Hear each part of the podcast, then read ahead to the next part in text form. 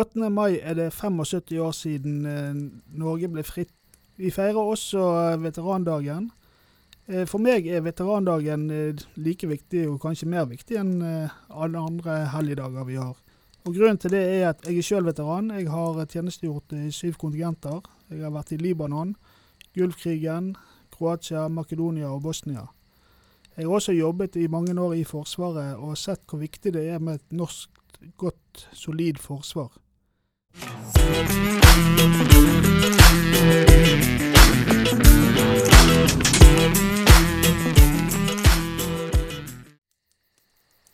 Rundt leirbålet i dag så har jeg fått med meg en gjest jeg har kjent i mange år. Veteran Dan Viggo Bergtun. I dag er jo det 8. mai. Frigjørings- og veterandagen. Gratulerer med dagen, og velkommen skal du være. Takk for det, Paul, og gratulerer selv. World Veteran Federation, hva er det det står for?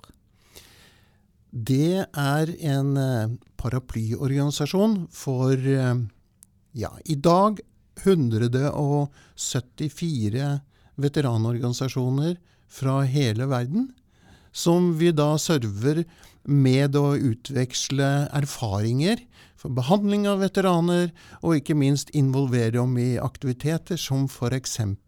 fredsaktiviteter. Det er ikke alle de som har veterandag i dag, er det det? Nei, dessverre er det ikke det. Men eh, jeg vil vel heller si det at det er flere veterandager rundt omkring i verden enn det er dager i året. Så mange går sammen, også når det gjelder 8. Eh, mai. Hva er en veteran? En veteran er en som eh, har vært med for å beskytte landet sitt. I vår konstitusjon så, eh, så sies det at eh, det er en som har deltatt i fredsbevarende operasjoner eller forsvart sitt land, eller på annen måte hvordan det enkelte land definerer en veteran. Så en veteran i norsk sammenheng, det er en som har vært ute i FN-tjeneste? Nei, ikke bare det, eh, for all del. Vi har fremdeles mange veteraner som har deltatt eh, i andre verdenskrig. Som gjorde en eh, stor innsats, som vi da ikke minst hyller i dag, på 8. mai. Som er også frigjøringsdagen for Norge. Men vi har også andre som har deltatt under FN-mandat, det være seg i 42 operasjoner over hele verden. Også selvfølgelig da inkludert eh, FN.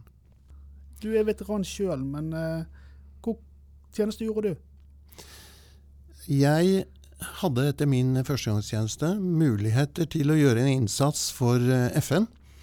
Og da eh, vervet jeg meg eh, veldig tidlig, og allerede i 1978 Eh, på disse tidene, dvs. Si rundt påsketider og litt etter, så tok jeg eh, et oppdrag eh, i Norbat 1 i Unifil. Norbat sto for den norske bataljonen, og nummer én var den første. Og Unifil står for United Nation Interim Forces in Lebanon. Ja, så Nummer én, er ikke det de som alltid har det litt uh, tøffere enn de andre? Ja, det, det, varierer diverse rykter om det. Men eh, jeg var veldig ung den gangen der, og jeg kan si med hånda på hjertet at jeg ble eh, veldig voksen i løpet av to uker der nede til å begynne med. Vi hadde vel eh, noe vi gikk til som vi overhodet ikke hadde forståelse for. Men vi lærer fort. Og i Norge så er vi såpass heldige at vi har en utdannelse som gir oss masse informasjon om alle områder i livet. Og det var godt å ha med seg der nede når jeg kom dit som ung gutt og skulle delta i operasjonen der nede. Ja, ut eh, altså når du kom til Libanon første gangen? Da var jo du som du sier, ung. Hvordan var det å komme fra fredelig Norge til et relativt tøft område av verden allerede da? Jeg syns jo det var en veldig stor opplevelse da vi kom med fly nedover til uh, Tel Aviv og ble innlosjert uh, kun i, uh, i, sovepose i en appelsinlund. Og hadde en fantastisk lukt som vi åpnet dagen med. etter å ha sovet i en veldig varm natt. Eh, og etter hvert så kom vi da innover eh, nordover mot Libanon-grensen, hvor vi da skulle kjøre inn i Libanon for å binde oss fast i området mellom Israel og eh, nord eh, for grensen eh, inn i Libanon. Da vi stoppet på grensen der, så så vi også at det området vi skulle inn i, ble beskutt. Ganske kraftig, og det var tunge bomber. Og det gikk også under benevnelsen at det var bruk av napalm i området. Vi kjente det på lukten, og da, den dagen jeg sto på grensen der, så tenkte jeg med meg sjøl, som hadde da hatt en fantastisk påskeferie oppe på Skeikampen. Nå sto jeg her få dager etterpå og kunne se det. Det var virkelig uvirkelig for meg. Men da tenkte jeg, hva pokker gjør jeg her? Her kunne jeg vært hjemme og kost meg oppe i fjellheimen fremdeles. Men der sto jeg. Og da husker jeg vår troppssjef sa til oss Nå er det den som tenker mest fornuft, som kommer til å bli hørt av alle oss andre, på tvers av befal og menige. Eh, Hvor var det dere bodde eh, når dere bodde der nede? Ja, vi bodde jo til å begynne med i, i telt, og det var helt greit. Eh, Det var ikke den varmeste tiden på året, men eh, vi fikk et eh, stort jorde som var pløyd opp av den såkalte røde sanden, som satte seg fast overalt, spesielt når det regnet. Men vi var fire stykker i teltet, og vi hadde gode stunder. Jeg husker spesielt eh, en av de første dagene vi hadde fått innvielse av vår latrine, som ble gravd nedi et eh, stort hull, hvor eh, en av de i teltet hadde den store ulykken med å ramle bakover der. Og det var jo en forferdelig stank og lukt, og vi hadde jo ikke mulighet til å dusje. Så eh, det var mange som sov utenfor teltet den første dagen, i hvert fall. Men det er klart, vi vente oss til de kummerlige forholdene vi hadde der til å begynne med. Hvordan ble dere møtt av de sivile? Dere har sett på som de store eh, redderne, eller ble dere på en måte litt sånn skutt litt på? Ja, det, var litt blanding til å begynne med. Eh, nå var jeg i saniteten, og vi hjalp jo sivilbefolkningen veldig mye. Og det gjorde jo sitt til at eh, Ja, vi hjalp dem. Men etter hvert så ble vi tatt egentlig som litt inntrengere, for det var ikke lett å, å, å være nøytral og objektiv i masse prosesser der. Men eh, etter hvert så hjalp det veldig mye da vi hjalp til med ulike typer infrastruktur. Vi hjalp dem med vannledninger, vi hjalp dem med strøm, og vi hjalp dem også å transportere personell fra det ene stedet til det andre, dvs. Si sivilbefolkningen. Ja, for mandatet deres var jo å beskytte Israel. Var det sånn det var denne, på den tiden? Mandatet var vel litt sånn usikkert og ble forandret under tiden, men hovedoppdraget vårt var å sørge for at det skulle være en eh, fredsbuffer mellom Israel og styrkene som kom fra PLO, PLFP den gangen der, fra nord som var etablert i, i eh, Libanon.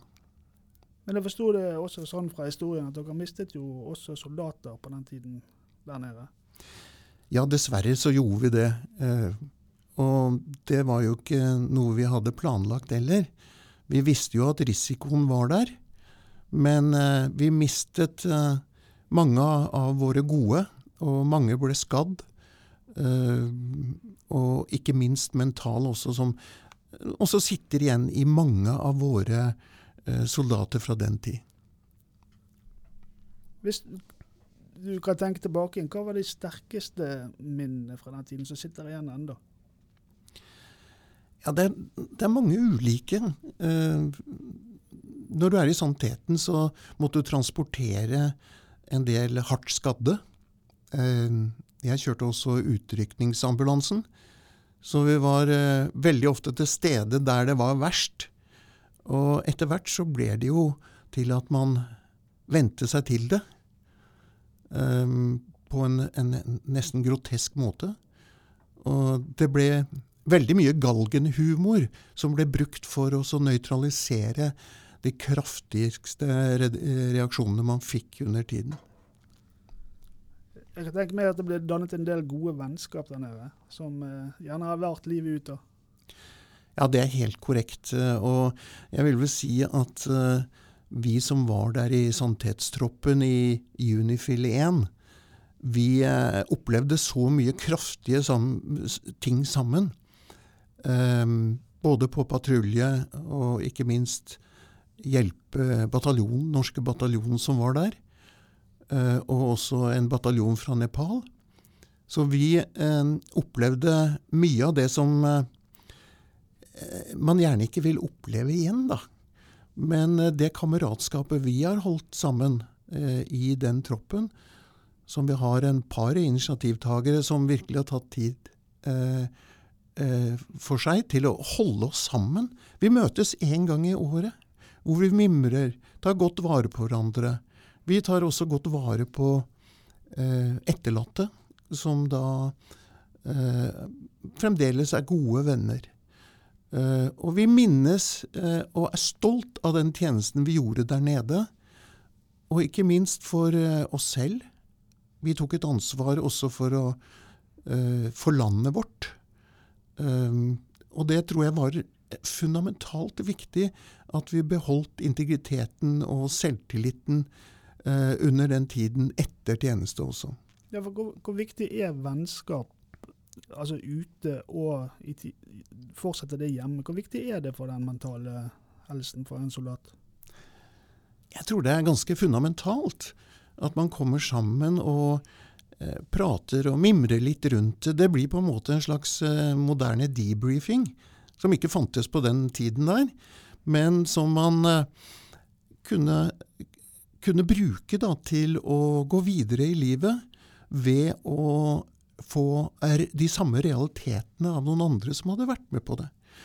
Har man eh, stått i nærheten, eh, eller vært i nærheten av et bombedropp eller en granat som har eksplodert, så vet man hvordan det er å, at luften blir blåst ut av magen, og man blir redd. Man blir trykt opp mot en vegg. Og kan man kommunisere med andre som har opplevd noe av det samme, så forsvinner litt av den mentale smerten i den prosessen. Hvor lenge var du der nede? Ja, jeg var der i seks måneder. Mm. Uh, og jeg trivdes uh, veldig godt. Men uh, etter seks måneder så uh, syns jeg det var nok for min del. Og jeg tror også det var satt opp at det skulle være nok.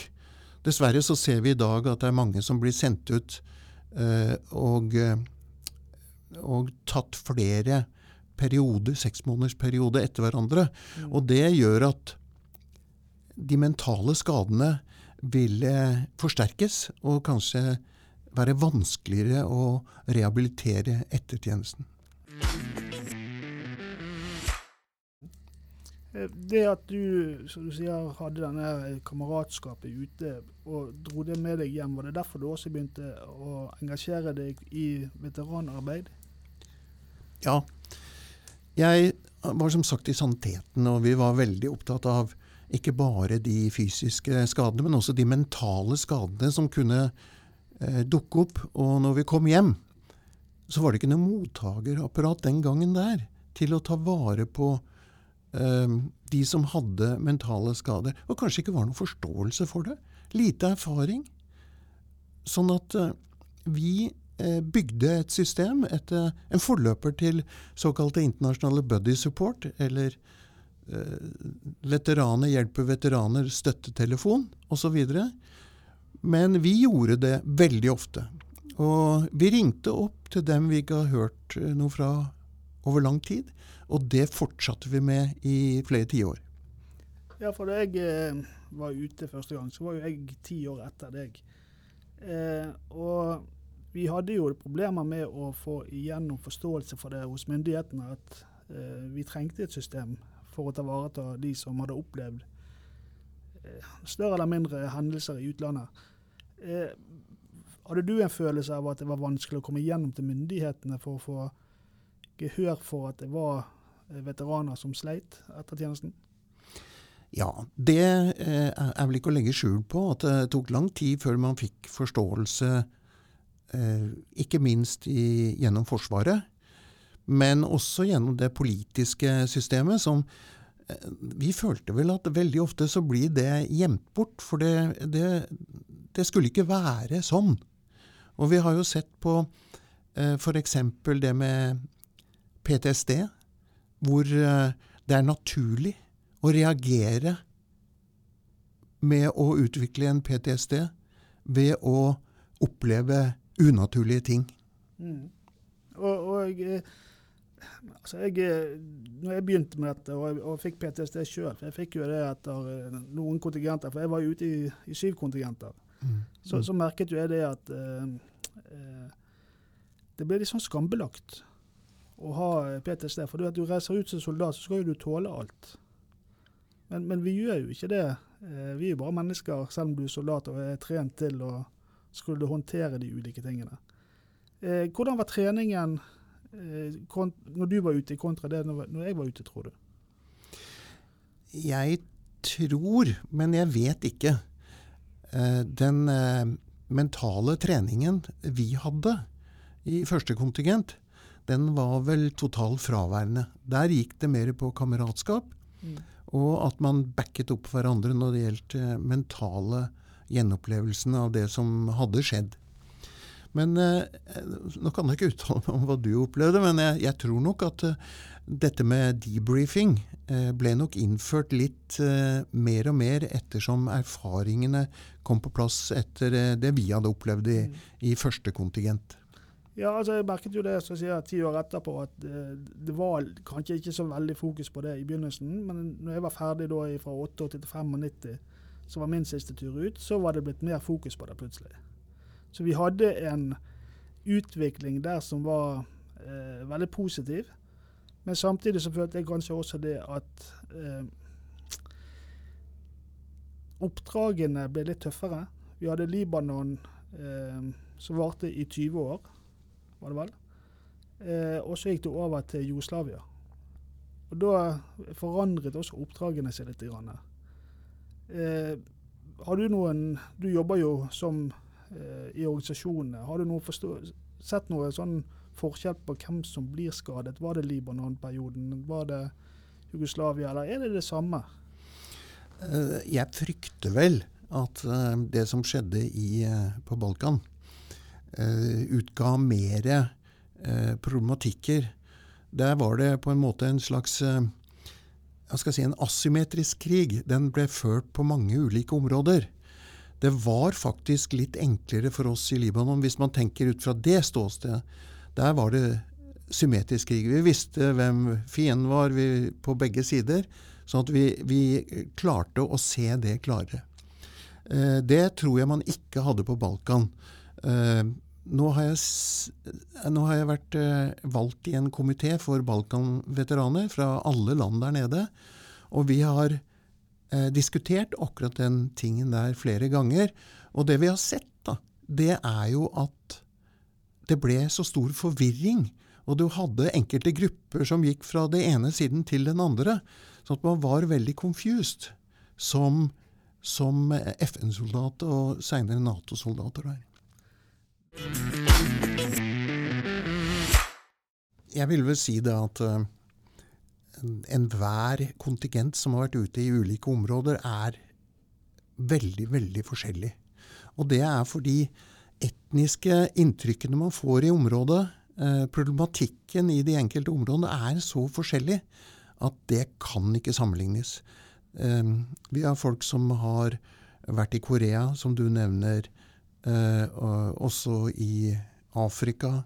Vi ser på de nyere veteranene fra eh, Kuwait, eh, Irak, eh, Afghanistan, som har helt andre opplevelser. Så jeg tror ikke det kan sammenlignes på noen som helst slags måte, annet enn at man er der og gjør en mission for en, en, en sak, og ikke minst for eh, landet og kanskje også verdensfreden for å begrense problematikkene til å komme hjem til oss. Når det gjelder økonomiske eh, begreper rundt eh, akkurat det, så tror jeg det ble brukt mer som en ja, det er synd å si det, en, en mobbeeffekt på de som virkelig tok det ansvaret og dro ut og gjorde den prosessen der. Ja, for, for, det er jo det at skal vi ha fred og, og, sikkerhet i Norge, også økonomisk sikkerhet, så må jo vi også ha fred og sikkerhet i andre regioner rundt oss. Eh, og, og, det er jo det vi er med på når vi sender ut soldater. Vi, vi tar et verdensansvar for, for, sikkerhet og stabilitet rundt om. Eh, føler du at det er godt nok kommunisert her hjemme, sånn at eh, den vanlige Ola Normann forstår det? Eh, det har vel ikke vært det tidligere, men nå har vi fått en, en ganske fersk påminnelse om dette her, når vi har sett på covid-19, som gjør at vi må begynne å tenke helhet på planeten. Uh, og vi har sett reaksjoner på det, uh, og jeg håper den kan slå litt hardere, slik at vi nå kan bruke den energien vi får ut av den negative viruset som har eh, fartet rundt på hele planeten, at det kan gi oss begrepet om at det, det, vi behøver ikke krige. Vi, vi ser nå f.eks. at det har stilnet i, i Hongkong, som var et potensielt glødende område når det gjaldt konflikter. Vi har sett det i Sudan, Sør-Sudan, og vi ser det i eh, til og med i Ukraina og Russland, eh, hvor, det, hvor de nå søker mer på at man nå er en i en egen rase. Vi er the human race. Og det må vi bare forstå litt mer og mer. Men igjen, vi forsto det nok ikke så bra den gangen, og kommuniserte kanskje litt dårlig om det. Men nå har vi en sjanse til å bruke dette her til å stå sammen og tenke litt mer på at vi er samme rase, uansett hvor vi kommer fra. Og det er jo nettopp det. Hvordan kan vi da som veteraner klare å samle oss på kryss og tvers av grensene og forskjellige konflikter. Altså, jeg eh, var jo ute og, og tjenestegjorde med en sjef som var fra India, og en nestkommanderende som var fra Pakistan. Og de ville jo ikke snakke sammen. Hvordan kan vi nå gjennom eh, veteranarbeid da bryte ned de konfliktgrensene?